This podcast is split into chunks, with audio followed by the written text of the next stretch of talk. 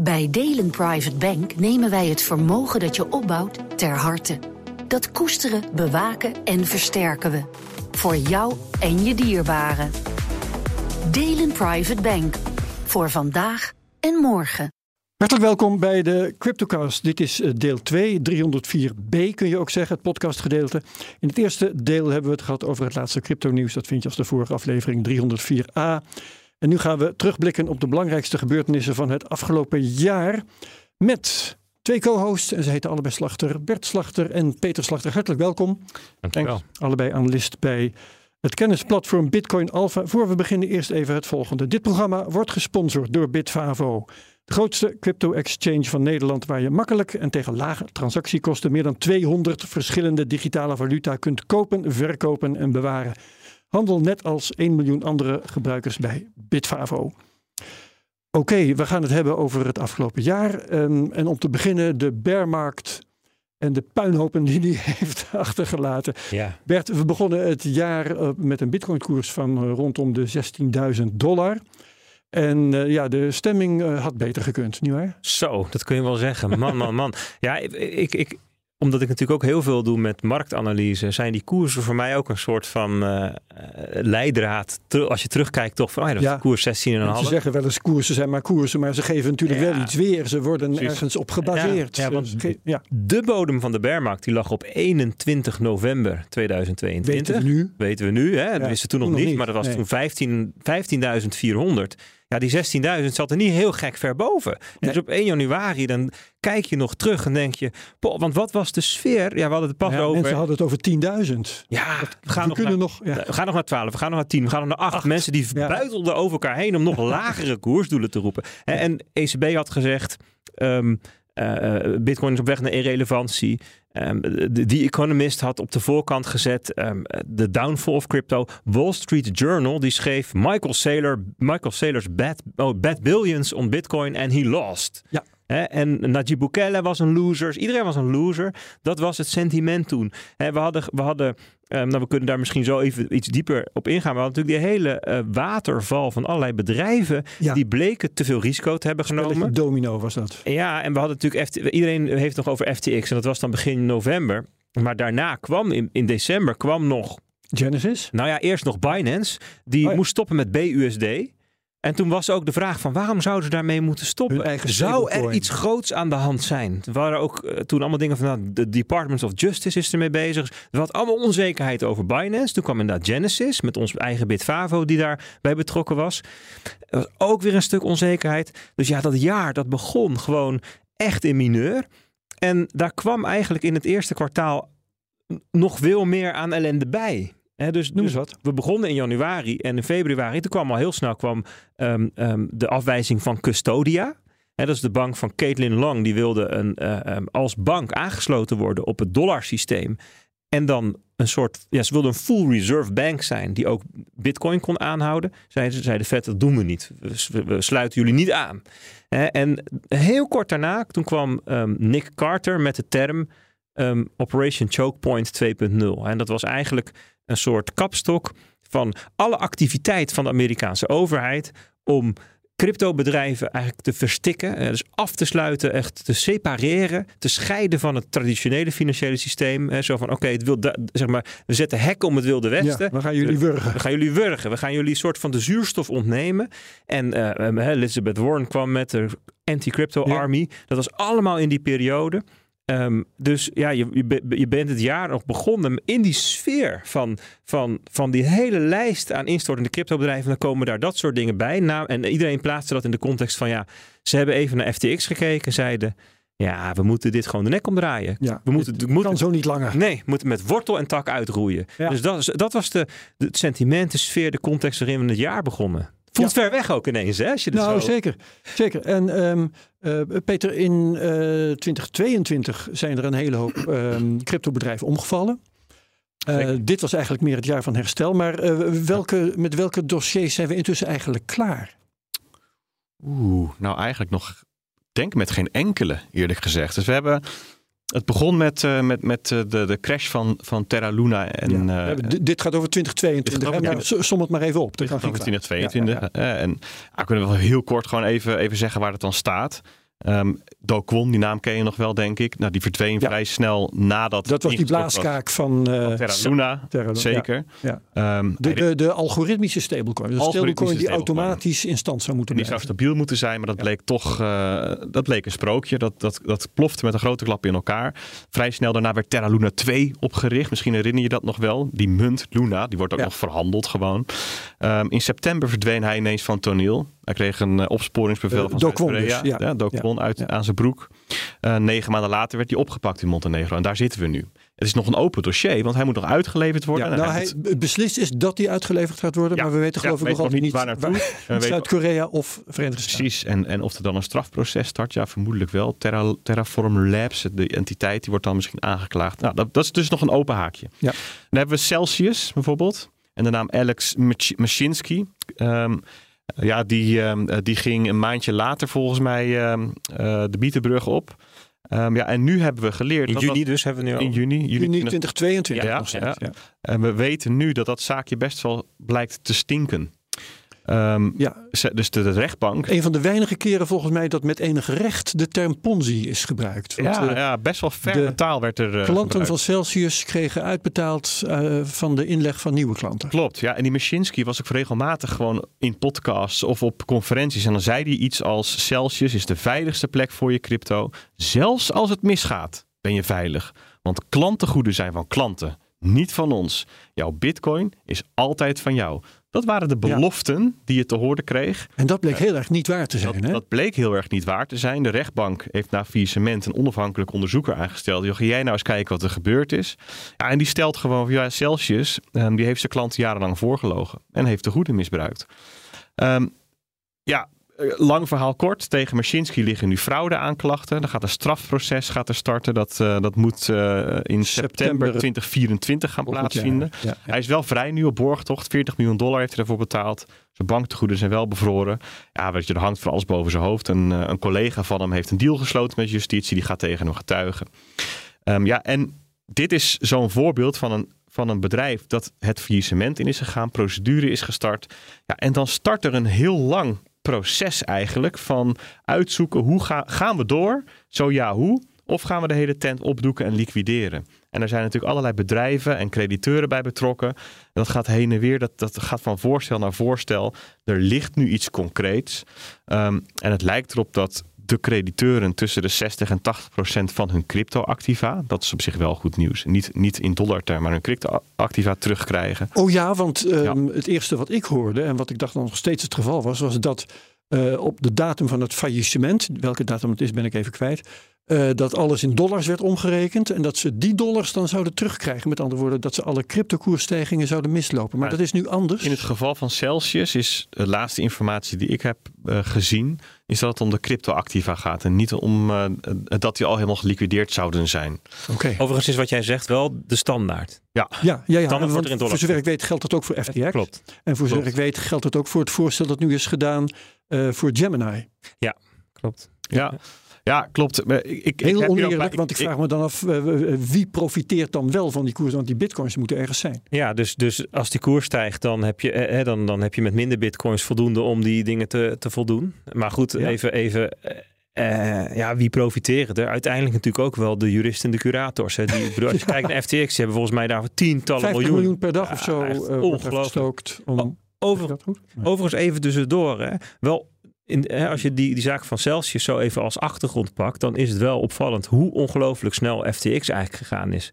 We, we hebben het daar tijdens alle cryptocasts heel vaak over gehad. Dus ik denk dat we FTX niet meer helemaal van A tot Z door hoeven. Maar als je dan ehm, kijkt naar hoe in hoe korte tijd ze dat allemaal van, hè, hebben doorlopen, van het verzamelen van informatie, het Ja. horen van de getuigen, tot Geld boven water krijgen. ja, ja dus, dus dat, dat geeft maar aan hoe ongelooflijk veel indruk dat FTX gemaakt heeft. Want dit doe je niet zomaar ehm, ehm, ehm, op, op deze enorm snelle manier en krachtige manier handelen. Ja, ja. Nee, daar wilden ze heel duidelijk een signaal mee afgeven. Ja, ik denk dat Celsius weer standaard is, zeg maar, meer hoe dat Ja. normaal gaat. We hebben het over Terra Luna gehad, we hebben het over Celsius gehad, we hebben het over FTX gehad. Is er nog een eh, Ja, we hebben bijvoorbeeld Three Arrow Capitals, weet je misschien nog wel. 3AC? Ja. 3AC, eh, onder leiding van Kyle Davies en Suzu. Een groot hedgefonds. Ehm, ja, en daarvan is ook wel daar is het wat schimmiger. Deze twee mannen die hebben zich op de achtergrond gehouden. Verblijfplaatsen zijn onbekend, heel lang geweest. Van, van Davies is dat nog steeds zo. Suzu is inmiddels wel opgepakt. Um, en dat komt omdat er een, gevangenisstraf van vier jaar boven zijn hoofd hing vanwege het niet meewerken aan de faillissementsprocedure. Datzelfde geldt natuurlijk ook voor Davies, maar die is nog altijd spoorloos. Ja, dat is dus, dat is dus een verhaal met allerlei open eindjes. We weten eigenlijk gewoon simpelweg nog niet wat daarmee gaat gebeuren. En we hebben ook nog bijvoorbeeld Genesis en DCG, de Digital Currency Group. Ja. Um, en ja, dat is ook een verhaal dat waarschijnlijk nog wel even, waarvan het laatste hoofdstuk nog niet geschreven is. En ik denk dat er nog best wel wat hoofdstukken gaan volgen. Genesis was de, eigenlijk de spin in het web van al die partijen die geld aan elkaar uitleenden. En zij zaten daar eigenlijk tussen. En die hebben vooral zakelijke crediteuren. Gemini is daarvan de grootste. Die noemden we net, ja. Dus dat is verweven met elkaar. Verweven met elkaar, zeker. Die moet, volgens mij moet er in totaal een miljardje of 3 à 4 worden terugbetaald. Nou, dat zijn natuurlijk hele serieuze sommen met geld. En dat beweegt van voorstel naar voorstel. Er zit altijd een, een, een stukje publiek moddergooien tussen. Uh, Barry Silbert, de baas van, van Genesis en, en, en DCG. En de Winklevoss Twins, natuurlijk de bazen van Gemini. Die doen het dan op Twitter ook, aan plan publiek, heel vreemd. Um, ja, met allerlei beledigingen. Beledigingen. Dat, ja, ja, en, en ja, het heeft er toch ook de schijn van dat het uh, in Barry Silbert's voordeel werkt om het zo lang mogelijk te laten duren. Want telkens als die bitcoinprijs stijgt, stijgt, eigenlijk, uh, stijgt ook de waarde van zijn oorlogskas. Uh, en de kans dat hij dit min of meer uh, met zo min mogelijk schade dat kan oplossen. Wegkomt. Dat, ja. ja. dat het met een sissertje ja. kan aflopen. Ja, Peter, een klein, klein ding aan toe te voegen is ook een gedeelte van zijn uh, eigendommen zijn ook die GBTC-aandelen, de Grayscale aandelen. Grayscale, ja. En daarvoor geldt vooral dat het heel prettig is als die, die, die discount, hè, die korting terugloopt. En dat is En nu dat is hij natuurlijk aan ook aan het gebeuren. Ja. Die is van min 50%. Ze zijn maar de helft waard van de onderliggende bitcoin naar nu min 7. En dus dat is bijna al on par. Dit is onwijs een voordeel van, van DCG, Barry, Barry Silbert. Dus het, het uitstellen heeft hem tot nu toe geen windtijden gelegd. Maar ik, ik, heb wel het idee dat, dat um, justitie in de VS wel zoiets heeft van ja, we, we, zien dit wel gebeuren. Maar we hebben nog wel gewoon appeltjes te schillen hiermee. De rechtbank in New York heeft bijvoorbeeld een fraudezaak gestart uh, tegen Gemini en DCG en Genesis. En de ondertitel van die zaak is, dan citeer ik even, How Genesis en DCG concealed 1.1 billion dollar in losses and Gemini repeatedly lied to investors. Het is een civiele zaak, is geen, geen strafproces. Maar zo zie je wel, dat krijgt ook nog wel staartjes. Ja. Um, en zo te horen wordt Gem, want Gemini heeft dit soort, precies dit soort beschuldigingen uh, geuit tegen Barry Silbert. Ja, en, en wordt daar nu zelf van beschuldigd ja. door zijn klanten. Precies. Uh, en, en dus gewoon door de openbaar aanklager van New York. Um, ja, dus ook nog een open dossier. Ja, en je zou kunnen zeggen, FTX en Bankman-Fried is nog het meest vergevorderd. Maar ook die is nog open, want we horen eigenlijk pas uh, eind maart volgend jaar wat de strafmaat is. Ja, hij is wel schuldig bevonden, maar hij moet nu nog te horen krijgen ja. hoe lang die dan ja, achter En ook de zakelijke afwikkeling, die zal uh, tot in volgend jaar doen. Ja. Maar we, we, moeten denk ik nog even over de rest van 2023 hebben. Ik doe even een kleine vooruitblik naar oktober dit jaar. Ja. Oktober was wel een soort kantelpunt, een soort keerpunt. Dat was de maand dat um, uh, uiteindelijk de jury um, um, Sam Bankman-Fried schuldig bevond. En het is ook de maand dat de koers boven de 32.000 dollar brak. Was daar verband tussen? Nou, ik vind van wel. En het is misschien een toevallig verband, maar wel eentje met een hele hoge symbolische waarde. Want die 32.000 dollar, dat was eigenlijk de ondergrens van de boelmarkt van 2021. En het was daarmee ook de, scheid, de scheidslijn tussen de boelmarkt en de bearmarkt. Alle ellende, Luna, Celsius, FTX, alles wat we net besproken hebben, speelde zich af onder de 32.000 dollar. Ja. En door het passeren van de 32.000 dollar en het achter de tralies zetten van Sam Bankman-Fried, dat is eigenlijk een soort van, daarmee markeer je eigenlijk de overgang van Um, we, we, we, er hangt een zwaard van Damocles boven ons hoofd naar hey, die dingen beginnen, beginnen we te bekijken in de achteruitkijkspiegel. Ja, in elk geval financieel was de ellende zo'n beetje. Ja, financieel werd het goed gemaakt. Maar ja, uh, we zien eigenlijk ook van alle dossiers, nu als we nu kijken, dat, dat alle boeven ofwel in hechtenis zijn, of Ja. worden uitgeleverd, of dat er een zaak is gestart, of dat er nog een uitspraak over de straf wordt Ja, gedaan. Overigens moet je je door de koers dan ook geen rad voor de ogen eh, laten draaien. Hè? Want dat de koers is hersteld, eh, dat maakt niet ongedaan dat heel veel mensen hun geld nog steeds kwijt zijn. Of daarop wachten, zeker. Of Ja. er in, in ieder geval op wachten. Ja, of het verkocht hebben in paniek, eh, wat helemaal niet had gehoeven Ja. als die mensen niet zulke boevenstreken hadden gedaan. Ja. Inderdaad. Nee, klopt. Maar ja, kijk, wat ik ook wel opvallend vond in die periode. Uh, dus we zijn met, met al die dossiers, die open dossiers, die open wonden, die brokstukken zijn we 2023 ingegaan. Dus ja, het sentiment dat, dat was echt laag. Um, afgehaaktheid, boosheid enzovoort. Uh, maar al vrij snel, vrij vroeg in 2023, vind ik dat wel opvallend, reageerde die koers eigenlijk niet echt meer op Negativiteit. Uh, echte nee. negativiteit. Nee. Daar kon je eigenlijk al aan zien. En dat was toen natuurlijk ja, wat, veel moeilijker wat al die banken gingen omvallen. Ja, Silvergate. En... Genesis was januari 2023. Hè, maar toch, de, ja. de koers zat een beetje van ja, maakt mij niet zoveel meer uit. Weet je, de, ja, het, is, het is een goed, goed volgend moment. En dan heb je het over maart, half maart, dat, uh, dat die, uh, zeg maar de, de, de crisis onder de uh, regional banks in Amerika. Ja. En regional bank, dan moet je niet denken dat het de lokale bank van, nou ja, noem eens wat.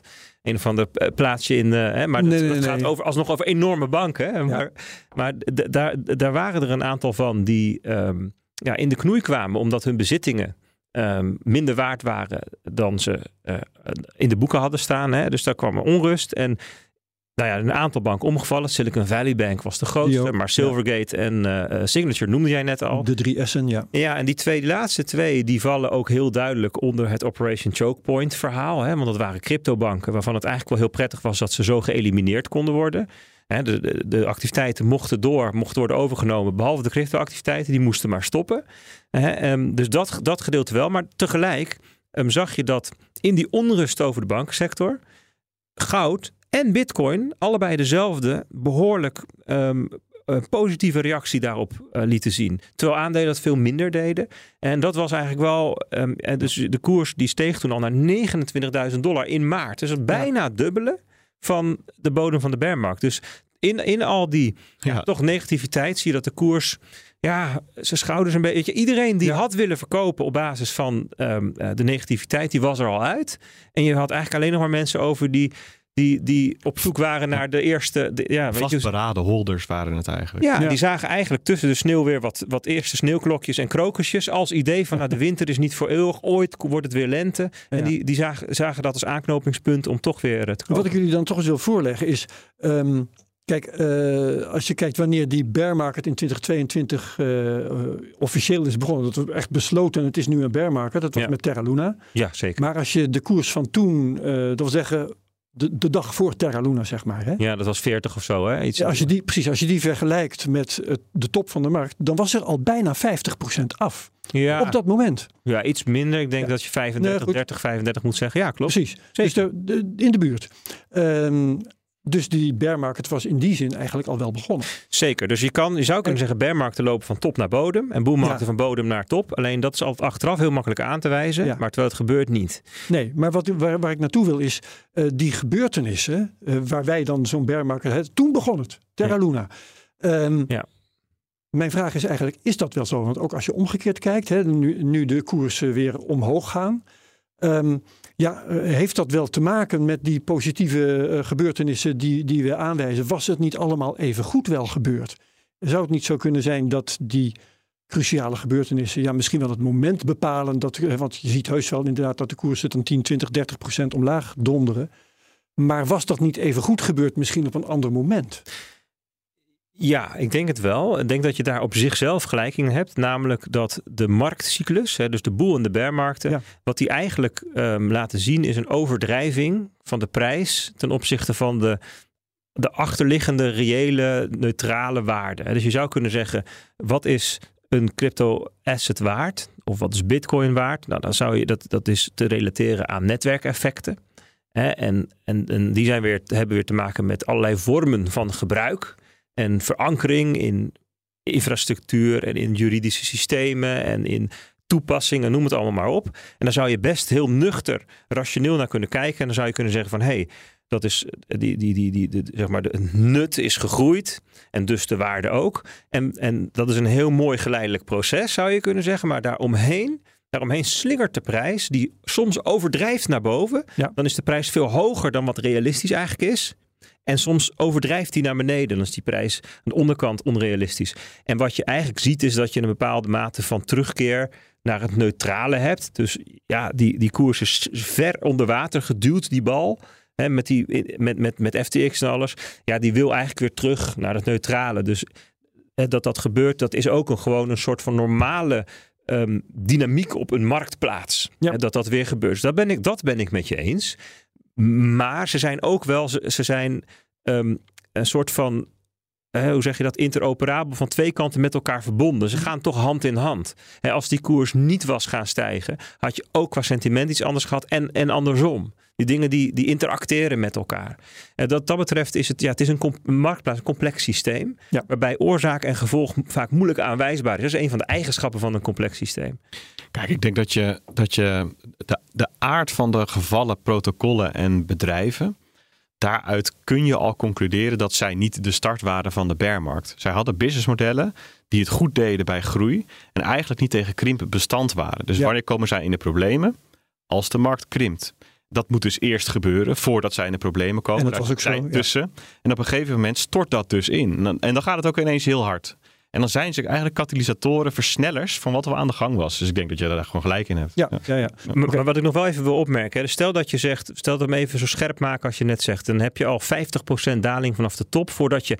Dat echt iedereen met elkaar eens is. Nu zitten we echt in een bearmarkt. Hè, Je zou ook kunnen zeggen, als je vanaf de voorgaande bodem rekent, namelijk 3000 dollar. En dan tussen 3000 en 70.000 zit ongeveer een factor 12 of 20, 20, sorry, 20 ruim. Ja. Hè, daar, dat is dan een factor 10 geworden. Dus je mist alleen de laatste verdubbeling. Hè. Dus, dus als je zegt van ik, ik bespeel als belegger de marktcyclus, dan accepteer je dat je die laatste, ja, die laatste 50%, dat is, dat is niet precies waar je het grootste gedeelte van je geld hebt verdiend. Dat heb je eigenlijk het hele stuk daarvoor verdiend. Ja. Dus wat dat betreft is het wel prima om te zeggen, nou, ik wacht tot ik zeker weet dat het een bearmarkt is, dan stap ik uit. En dan gaan we wel weer eens zien tot ik zeker weet dat het een boelmarkt is. En dan stap ik weer in. Hè, dus ehm, het is ook helemaal niet erg dat je niet precies de top en de bodem kunt aanwijzen terwijl ze gebeuren. Goed, dan zit je rendement ook anders in elkaar. Als jij zeker weet dat de Ja. boelmarkt start, dan is het niet de bodem die je... Nee, Nog geen beleggingsadvies trouwens. Nee maar, nee, maar dit is gewoon in het algemeen hoe beleggers naar markten kijken. hè. Ja. Dus geen, eh, We moeten het over een ander aspect hebben. Ehm, hier staat in mijn draaiboek: Bear markets are for building. Zo is Een het. bekend eh, thema dat we hier ook wel eens eh, eerder hebben benoemd trouwens. Ehm, ja, de, de groot deel van 2023 ook al eh, herstelde. Het ging toch nog op aan eh, het besef, we zitten nog in een bear market. Hoe komen we hieruit? Ehm, we hebben vaak geconstateerd dat er gebouwd werd. Ehm, maar ja, Peter, waarom zijn bear markets eigenlijk voor building? Waarom wordt er niet gewoon ook tijdens bull markets gebouwd? Want dan heb je veel geld. Ja. Kijk, alles wat we net besproken hebben, als je in de, in de acute fase daarvan zit, heeft niemand lol aan. Dat is niet leuk. Ehm, en ja, je, je kent ook wel die, eh, die sentimentcyclus, denk ik. Hè? De, de Wall Street cheat sheet wordt je ook wel eens genoemd. Nou, wij hebben onze eigen. En je zit dan, je zit dan in niet. Je, er zijn geen lekkere vibes. Het is negatief. Er gaan schokken door de markt, door de sector. Er stort voor alles in. Bedrijven, communities. Soms protocollen, moeten we even bij zeggen. Eigenlijk is, is de, de technologie dwars door alles heen gewoon overeind gebleven. Ja. Vind ik wel weer mooi om te zien. Uh, maar Niet gegeven van de algoritmische stablecoins trouwens. die niet. Dat is eigenlijk, de- de- denk ik. Nou, grappig genoeg heeft de technologie van Luna exact gedaan wat hij moest doen. Alleen het was gewoon Ja, het was gewoon, het was, Ja, ja. Nee, maar het is, het, is, het is echt heel opmerkelijk. We hebben natuurlijk ge- ge- geweldige, ehm, ehm, eh, eh, zeg je dat, capitulatie gezien. Van, en, maar als je dan gaat kijken ehm, wat er on-chain gebeurde. En dan heb ik het niet alleen maar over de crypto-netwerken, de blockchain zelf. Maar ook Mhm. de protocollen. Neem een Uniswap, hè, dus de, de decentrale exchanges. Of een Curve of, of MakerDAO. Ja, alles is gewoon gegaan zoals Ja. het moest. dat dat vind niet ik opmerkelijk. Kijk, op zich Ja. kun je zeggen, het, eh, Terra Luna was, was inderdaad net zo brak als dat het gebouwd was. Ik weet niet of dat gelijk staat aan het deed wat het moest doen. Zeg maar, Het moest, het moest, wel, moest wel stabiel Ja, blijven. dat was wel de bedoeling. De blockchain bleef gewoon functioneren. eens, Ja. eens. Da- Daarmee ben ik het eh, helemaal eens. Het was geen Maar, doubt. maar op een gegeven moment wordt het rustig. Hè, dus dus, hè, dus dat, dan kom je in die sentiment. Dus de ruis is weg en ehm, alleen het signaal blijft over. En dat is voor bedrijven die er dan nog zijn en de, en de capaciteit voor hebben. Eigenlijk zijn dat de ideale omstandigheden om gewoon te bouwen. Geen gezeur aan je kop. Je hebt dan eh, weinig ja. afleiding Klopt. ten opzichte van zo'n boelmarkt. Geen roodgloeiende eh, internetverbindingen. Bijvoorbeeld. Ja. Hè, en service desks die overstromen. En servers die, die aan het roken zijn. En waar je moet bijpluggen. En dan heb je, dat is ook, dat is mooi, weet je. Maar, dat, Ja. maar, dat, maar het is ook afleiding. Ehm, en ik denk eigenlijk wat we niet moeten vergeten. Is dat, we hebben het uitgebreid gehad over het opruimen van die brokstukken. Dat is eigenlijk onderdeel van het bouwen. Onderdeel geweest Ja, van schoon het schip maken. Ja. schoon schip maken. Maar, hè, maar ook ehm, de nieuwe regels die een aantocht zijn. En die daarop toegepast worden. Um, en dat is niet alleen in, in Europa met Mika, Ja. maar je ziet ook in Azië. Dat is dat- bouwen niet zozeer door de commercie, hè, door het bedrijfsleven, maar door de wetgeving. Maar het speelveld duidelijker maken. Ja. De grenzen tussen ehm, eh, het grijze gebied en het witte gebied scherper zetten. Ehm, de ruimte die cowboys hebben verkleinen, bijvoorbeeld. Ja. Ehm, maar ook de legitimiteit ervan vergroten. Hè? En dat zie je dan weer terug, bijvoorbeeld aan het commitment dat grote partijen geven. Nou, daar komen we straks nog wel even op. Nou, en wat is er dan in technologische zin gebeurd? ja, wat is er gebouwd? En wat is, wat is er dan gebouwd? Ehm, ja, dan denk ik als we naar Bitcoin kijken, specifiek, het afgelopen jaar, afgelopen twee jaar, dan is het vooral gaan zitten aan de ene kant in het ehm, verbeteren van bestaande features, maar dat zijn geen baanbrekende vernieuwingen. En aan de andere kant denk ik uitbreidbaarheid. Ehm, ordinals en inscriptions zitten in dat domein. Hebben we het al Oh ja. even gehad in het, in, ehm, het van vorige week. Ja.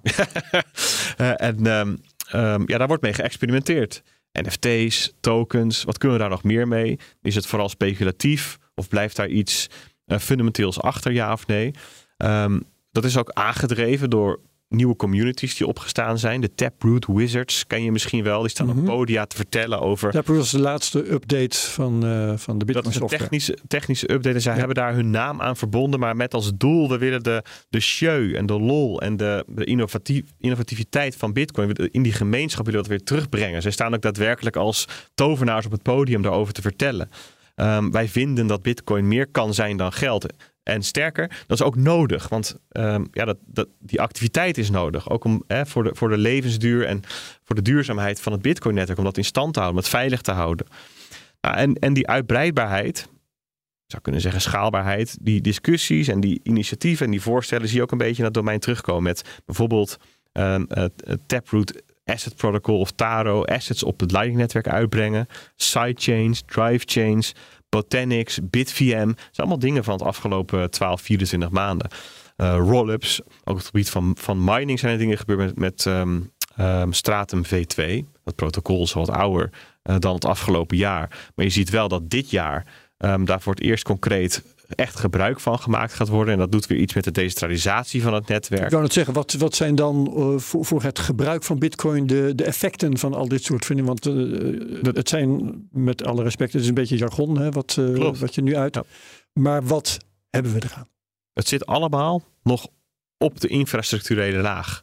Dus het is daadwerkelijk ook allemaal voor een groot deel nog het domein van de techneuten. Ehm, en ik denk dat je dat ook voor een deel ziet bij Ethereum, hoewel die daar verder in zijn. Dus daar is het vooral gegaan over schaalbaarheid, de overstap naar proof of stake afmaken. Ehm, het bouwen aan rollups, modular blockchains is daar veel eh, langsgekomen. Dat is, dat is ook allemaal jargon wat je daar hoort. Nou, neem een term als proto-danksharding. Ik weet niet of we het erover hebben gehad in, eh, in de. CryptoCast. Maar Eh, dat zou best kunnen, ik weet het niet. je hoeft het daar niet over te hebben met een gebruiker. Nee. Eh, die, die is uiteindelijk op zoek naar iets wat, die, wat, wat prettig in gebruik is, wat snel werkt, wat gebruiksvriendelijk is, wat een prettige gebruikservaring geeft. Ja, even een voorbeeldje. hè. Bij Ethereum, op een gegeven moment gingen we overstappen van proof of work naar proof of stake. En we gingen ehm, met E EIP 1559 gingen we iets doen met hoe de eh, transactiekosten ehm, eh, werden behandeld. Dat zijn Ja. hele technische concepten. Wat je er als gebruiker van merkt, is dat door proof of stake de, de, de tijd tussen twee blokken altijd exact 12 seconden is. In plaats van onvoorspelbaar bij Mhm. proof of, proof of work. En dat je door EIP 1559 exact weet met wat voor soort bedrag je zeker in het volgende blok gaat komen. En het gevolg is dat als je nu interacteert met je MetaMask, met je Web3 wallet, dat je door zeg je klik en dat je dan binnen een paar seconden in het volgende blok zit. En als je terugdenkt, en hoe was het met Ethereum eerder ook weer? Dat was klikken en maar hopen en bidden dat het goed kwam over de komende vijf minuten. Hè, En dat is dan het effect voor de als gebruiker. Merk je dat de interactie, dat het gebruiksgemak, de gebruiksplezier, de ervaring heel grote Ja, stap maakt. Ja, ja, ja, dat is belangrijk. Ehm, meer eh, vorderingen, Peter, op het gebied van gebruiksvriendelijkheid? Maar ik vind dit wel een goed voorbeeld. Ja, in, in, Want, want de, de, het gevoel is toch, eh, de crypto moet een keer naar de massa. Waar heb je het anders voor? ja, de, de moeilijkheid van, van decentrale technologieën en protocollen is dat er niet over alle bouwstenen heen één eindredacteur zit. Mhm. Ehm één ontwerper die zegt van... hé, hey, we gaan deze klantreis eens even op deze manier ontwerpen. En ervoor zorgen dat alles mooi en netjes op elkaar aansluit. Dat, dat, de, dat de gebruikersinterfaces op elkaar lijken. Dat er één ontwerptaal wordt gebruikt. Ja, en dat is best wel een, een, een taai probleem, denk ik. Waarvan ik nog niet heb gezien dat daar al een eenduidige oplossing voor is.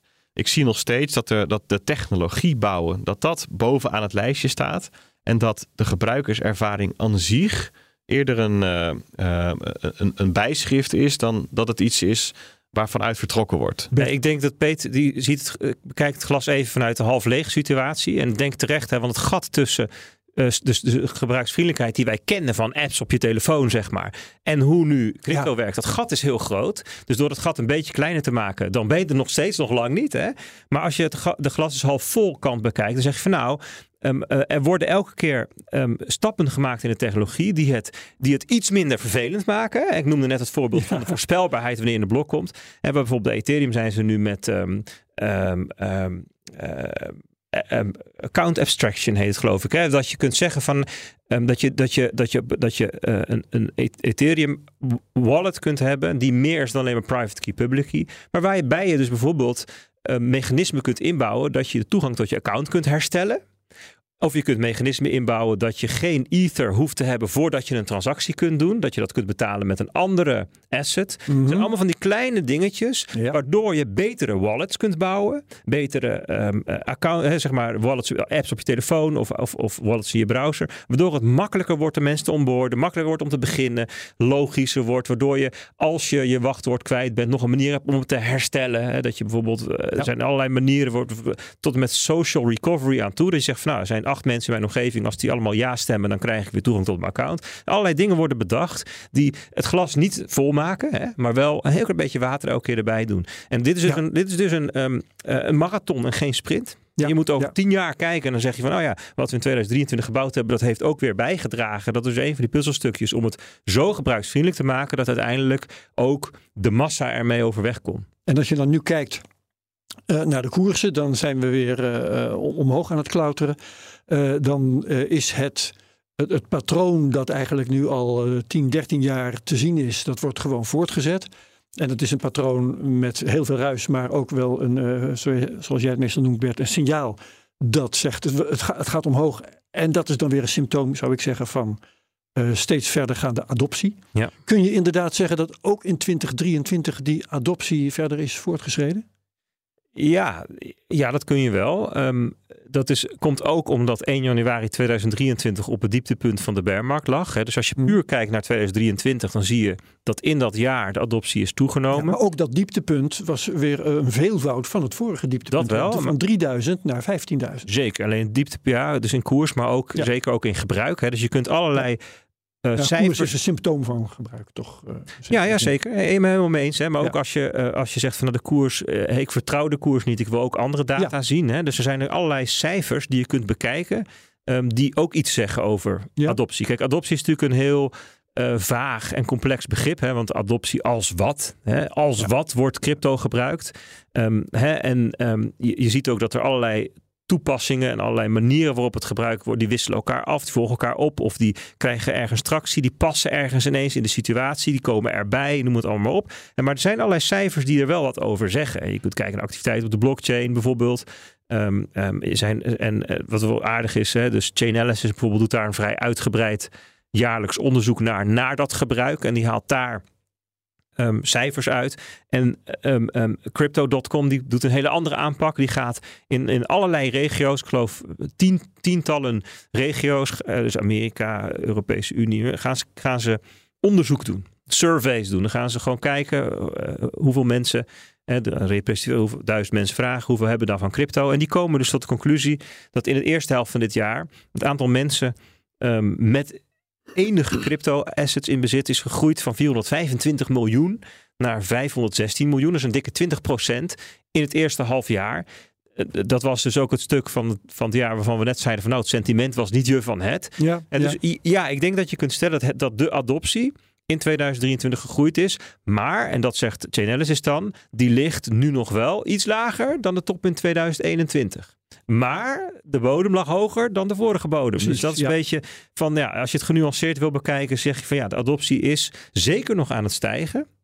Hè? Um, en dus volgt daaruit Als we even die theorie pakken van eh, de, de, onderliggend aan de, aan de koers is de, is de adoptie, is het gebruik. Die is aan het stijgen. En de marktcyclus die slingert daaromheen.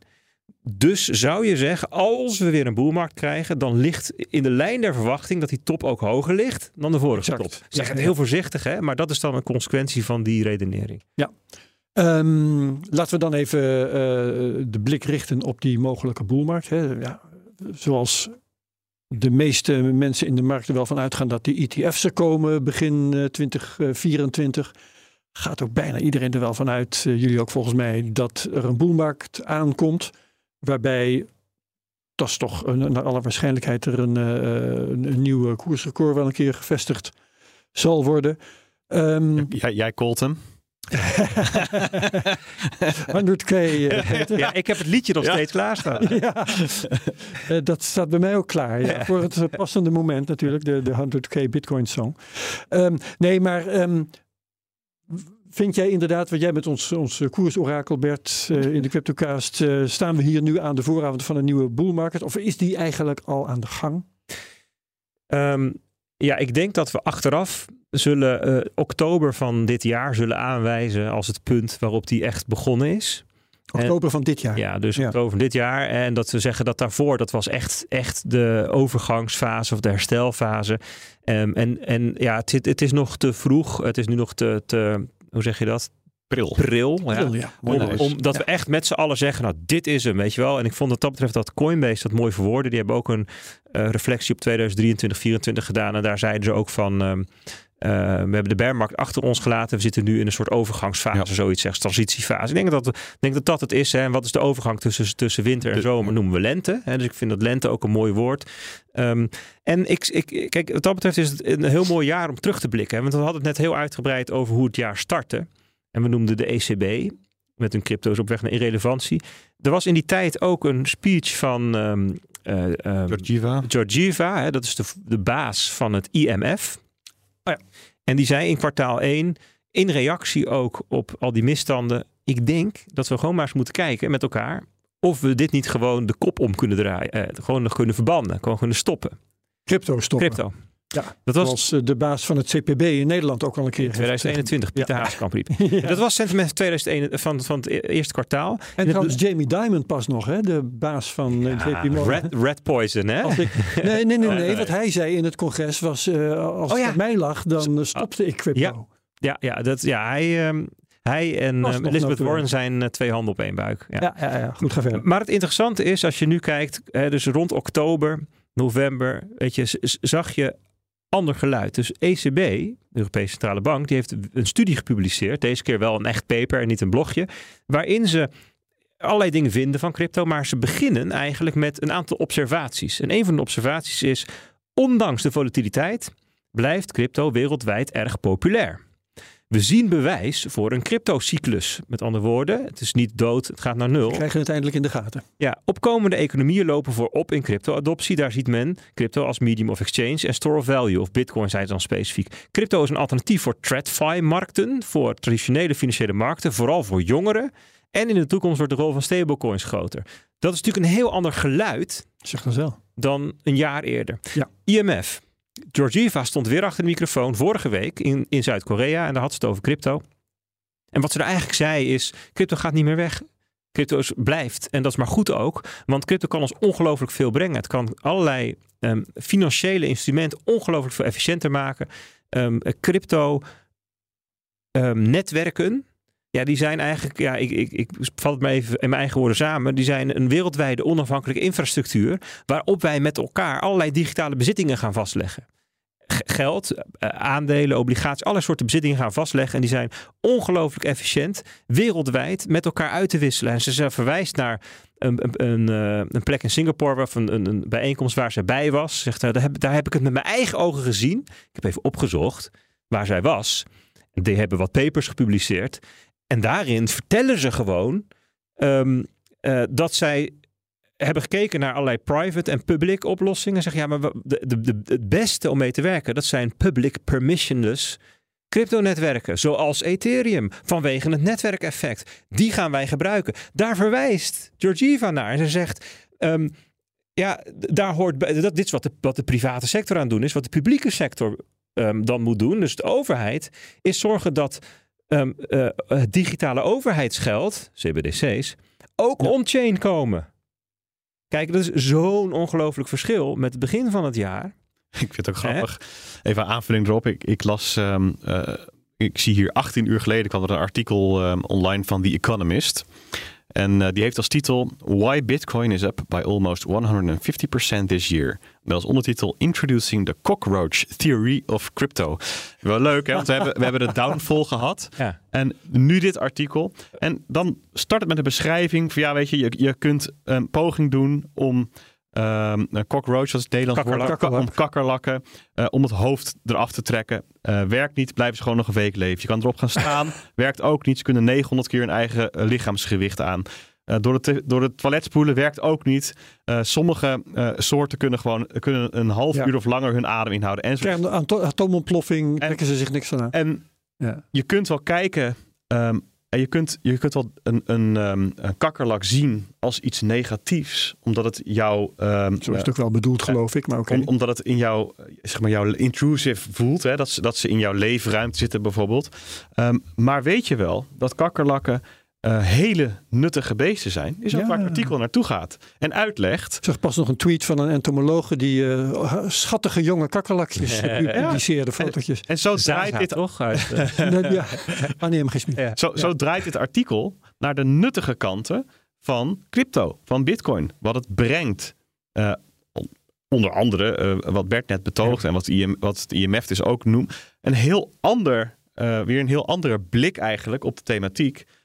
Dan toen die markt Ja. instortte. En toen we het over de downfall hadden. En zo zie je ook hier een soort kentering weer. Ja. eh, ook bij The Economist. En ik, ik- vo- voordat we naar de boelmarkt gaan, wil ik dan nog even één brug maken. En dat is wel het net over eh, bear markets are for building. Eén Ja. aspect daarin is ook bitcoin mining als oplossing in plaats van probleem. Of als onderdeel van de oplossing.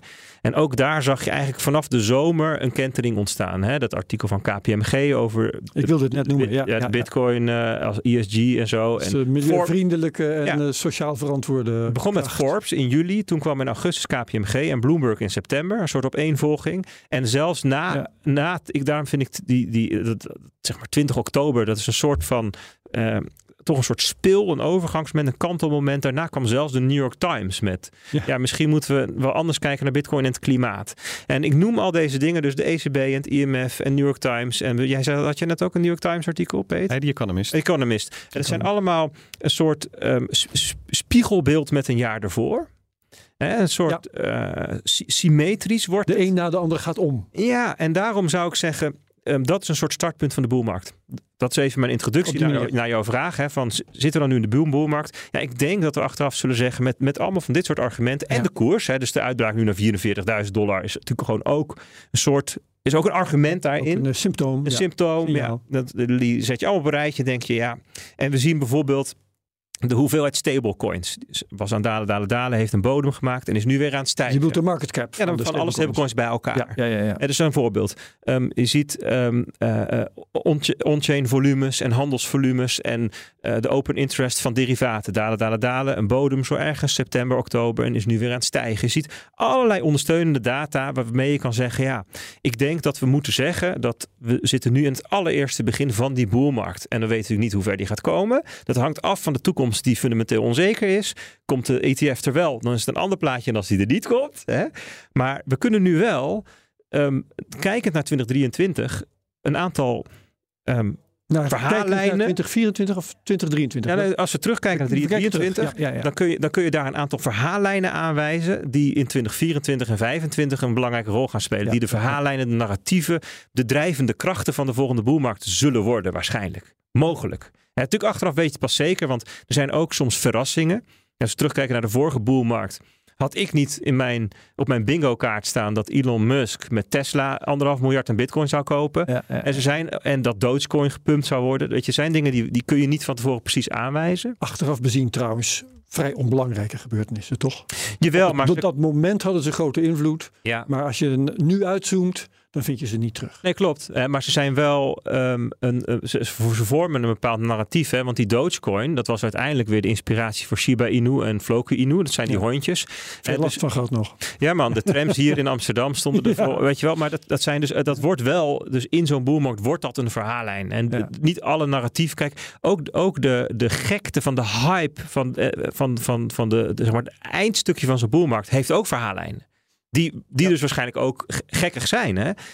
Goed, die weten wij natuurlijk niet. Maar verder zouden wij er, nou, laten we zeggen, vijf willen aanwijzen. Ja. Vijf van die krachten. Zal ik het woord daar eens over aan Peter geven? Lijkt me goed. De drijvende krachten van de komende boelmarkt. Drijvende kracht, Peter, We klinkt goed. even, ja, we kijken even vooruit nu, hè, naar 2024. Zeker, zeker. Ja, kijk, ehm, de twee die we al genoemd hebben, de spot ETF's voor Bitcoin en Ether en Ja. de halving, dat zijn eigenlijk de twee die overal genoemd worden. In elk Dus je- lijstje staan. In elk Ja. lijstje staan die. ehm, zo, zo in deze Ja. tijd, rond kerst, nieuwjaar, dan Waarvan je komen dan ook meteen nu kunt, je kunt afvragen, zijn ze niet al ingeprijsd? Ehm, ja, dat kan je altijd afvragen. Maar mijn Ja. ervaring is dat dat beperkt is. Hm. Eh, soms denk je van nou, dat gaat geen reactie meer geven. Want ja, hier, hier zijn we het toch wel over eens. Maar dan alsnog, als het gebeurt, zie je dat er soms gewoon best wel een heftige reactie ontstaat. En het, is- ja, weet je, de optie is nog steeds dat de SEC er een streep doorheen zet. En ja, dat risico verdwijnt op het moment dat wat iedereen nu denkt toch uitkomt. Ja, dan eh, denk ik dat de markt daarop gaat reageren, persoonlijk. Ehm, ja, hoe dat met de halving gaat, weet ik niet. Nee. Eh, we, hebben rond de halving in het verleden toch altijd wel weer eh, toegenomen activiteit gezien. Zou me niet verbazen Ja. als dat op dit moment dit, dit Niet dat op de zijn. dag van de halving er een explosie plaatsvindt, maar wel even voor en een hele tijd na de halving Ja, is er Ja. een bepaalde tendens. Het is denk ik vooral een versterking van het eh, beeld van Bitcoin als digitaal goud. Ja. En daar kun je van alles van vinden, hè? maar het is wel ehm, eh, eh, onderdeel van de thesis van een hele grote groep, vooral wat professionelere beleggers, die zeggen van nou ja, ik wil een gediversifieerde portefeuille, waarin een gedeelte aandelen, een gedeelte obligaties en een gedeelte real assets zit. En onder real assets verstaan we bijvoorbeeld goud, maar ook Bitcoin. En dus dat valt in dat bakje. En dat, dat eh, zeg maar, de, de, de, de halving is een, een aanjager van dat verhaal en het gesprek daarover. Dus alleen al op die manier, ook al zou je kunnen zeggen, puur, puur econometrisch gaat het nu niet zo heel veel meer doen. Kan het toch wel nog, een, eh, als het gebeurt, een bepaalde versnelling geven, omdat het er dan over gaat. Ja, kijk, Ja. en ik denk dat de, dat de kern ervan is dat er twee dingen samenkomen. Dat is dat, er, dat de, de halving ook een mooi moment is voor bijvoorbeeld media. eh, om het hierover te hebben. Eh, dus dus deze beleg, dit beleggingsperspectief komt dan eigenlijk best wel breed onder de aandacht. Want ja, je gaat dan toch uitleggen wat de halving precies is. En dan ontkom je er eigenlijk niet aan om, om het hier ook over te hebben. Dus dat Ja. zou er wel eens mee te maken dat kun je dus ook niet inprijzen, hè, dit. Nee, nee, dat- Wat dat- is dan verder de, van, van eh, interessante factoren de tweede garnituur, om zo te zeggen? Ehm, ja, dus de, dus de derde factor ehm, waarvan wij zeggen nou, dat dat speelt een belangrijke rol. Dat gaat over de, ehm, de nieuwe regels die gemaakt worden. Mikar en zo. In Europa is het inderdaad al vrij duidelijk. Dus het gaat over MICAR en dat wordt dan verder ontwikkeld. Dus het is, dat is natuurlijk niet een, dat is niet een statisch punt van nou we hebben nu regels en dan zijn we er klaar mee. Maar dat gaat eh, door met, met, met vervolgversies enzovoorts. Maar wel heel duidelijke spelregels nu voor de cryptomarkt in Europa. Die gaat open. Ik ben benieuwd wat dat gaat brengen. Ehm, we zien dat er allerlei jurisdicties zijn, vooral buiten Europa, eh, hoewel Londen ook wel wordt genoemd, die zich opwerpen als crypto-hub. Kijk, kijk naar Azië. Dat is wel leuk als je naar Azië kijkt. En ja, ik vind het altijd ehm, moeilijker te volgen dan, eh, dan ik altijd hoop. Maar ik doe altijd wel een, een poging om dat bij te houden. Daar zie je eigenlijk al veel langer een heel ander sentiment dan wat wij in het Westen hebben. Dus je zou best kunnen zeggen dat zij gevoelsmatig al Hoe langer... in- is dat sentiment dan? nou, zij, zij hebben. ehm, wij hebben in het Westen alles wat er gebeurd is best wel zwaar gewogen. Logisch ook, want er is ook veel rommel ontstaan.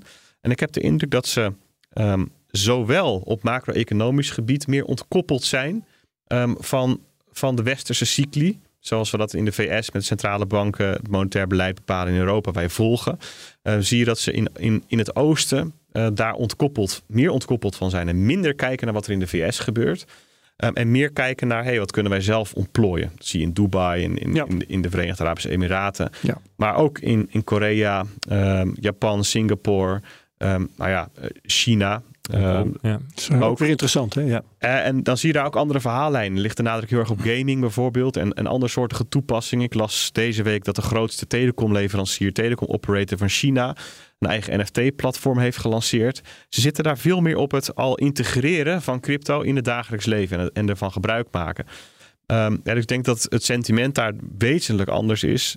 Ehm, ja, en zij werpen zich dus ook op als, als crypto-hubs. Kom maar hierheen met de bedrijvigheid. Als, als de VS het afstoot, hier zijn jullie welkom.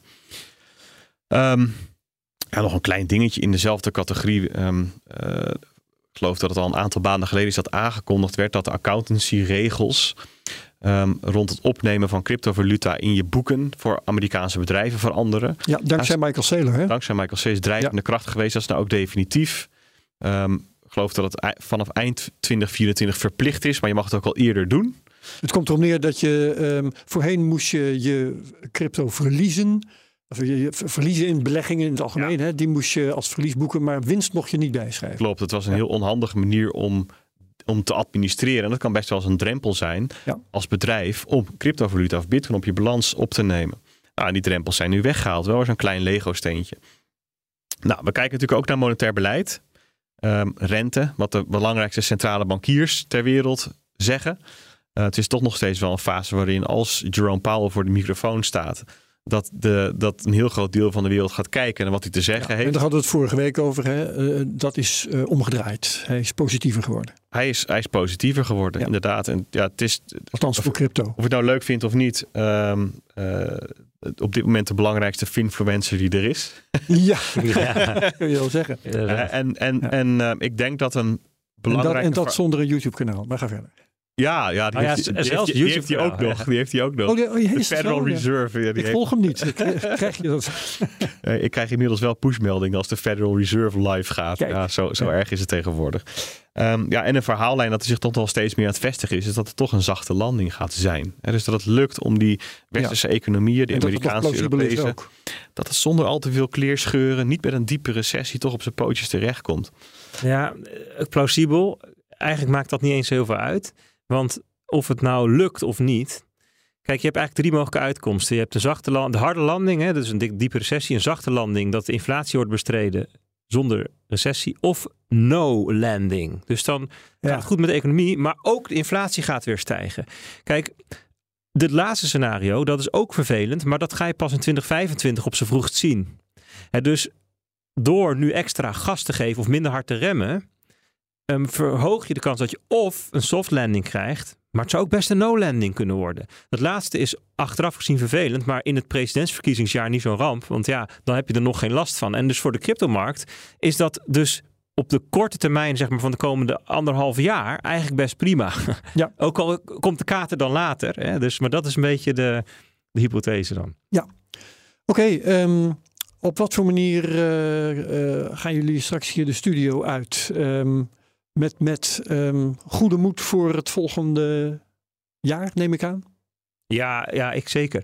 Ik zie ehm, eh, dat er echt een soort van eh, eh, grote stap genomen is. Dat is geen geleidelijke overgang geweest, maar echt een stap waarin allerlei spelers in de economieën en maatschappijen wereldwijd eigenlijk hebben geaccepteerd dat cryptonetwerken ehm, er zijn als onafhankelijke wereldwijde infrastructuur waarop wij allerlei soorten digitale bezittingen gaan vastleggen, bewaren en overdragen wereldwijd, waar niemand kan tussenkomen, niemand kan het tegenhouden of terugdraaien of de baas spelen of de regels veranderen. Die cryptonetwerken, ja, dat is natuurlijk Ethereum en alles eromheen, maar Solana eh, is nu ook daarin opkomend. En zelfs Bitcoin, want we hadden het net over die technische ontwikkelingen van Bitcoin en al die dingen die je daar ziet, die, die gaan erover dat je digitale bezittingen op Bitcoin kunt gaan vastleggen. Dat is allemaal onderdeel van dit verhaal.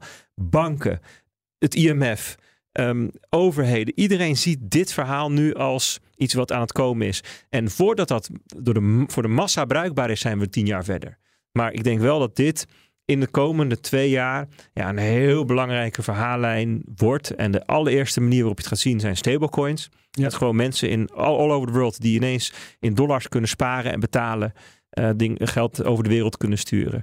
Ehm, en ehm, dus ja, ik, ik, ik denk dat er genoeg aanknopingspunten zijn om in 2024 op alle manieren weer nieuwe toepassingen, nieuw nut te gaan zien. Ja, en de optimisme wat daarmee samenhangt, dat Ja. ga je ook terugzien in de koersen. Nou ja, dat wordt dan weer zo'n zelfversterkend effect en dat noemen wij een boelmarkt.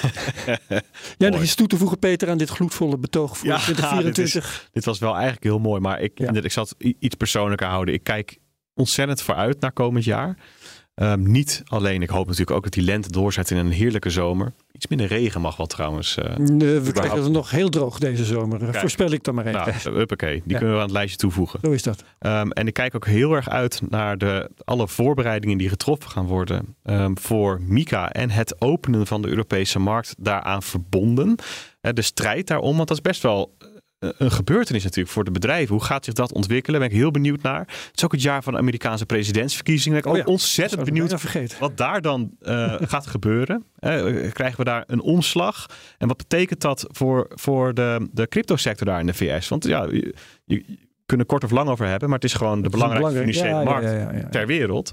Ehm, en dat zegt nogal wat. Dus daar ben ik ook ontzettend benieuwd naar. Dus het is, het is gewoon echt wel weer een, ehm, een jaar met heel veel betekenisvolle momenten erin. Eh, ga ik zo vanuit. Ja, ja, en met heel veel spannende gebeurtenissen Ja, die de een ja. of de andere kant op kunnen vallen. Ehm, maar we gaan eh, gemakshalve even uit van een mooie boelmarkt. Eh, ik dank jullie allebei hartelijk voor je overwegingen daarover en je, je analyses. Bert en Peter Slachter van het platform Bitcoin Alpha. Allebei bedankt. Tot zover deze CryptoCast. Vergeet hem niet te delen met je volgers op Twitter. Gebruik de mention at CryptoCast.nl. Doe reviews op Apple Podcasts. Vinden we ook leuk, want dan zijn we beter vindbaar. Like, subscribe en comment op eh, YouTube. En voor de rest allemaal heel hartelijk dank. En graag tot volgende week. Dag. Cryptocast wordt mede mogelijk gemaakt door Bitfavo, de crypto-exchange van Nederland. Bij Delen Private Bank nemen wij het vermogen dat je opbouwt ter harte. Dat koesteren, bewaken en versterken we. Of je vermogen nu bescheiden of groot is.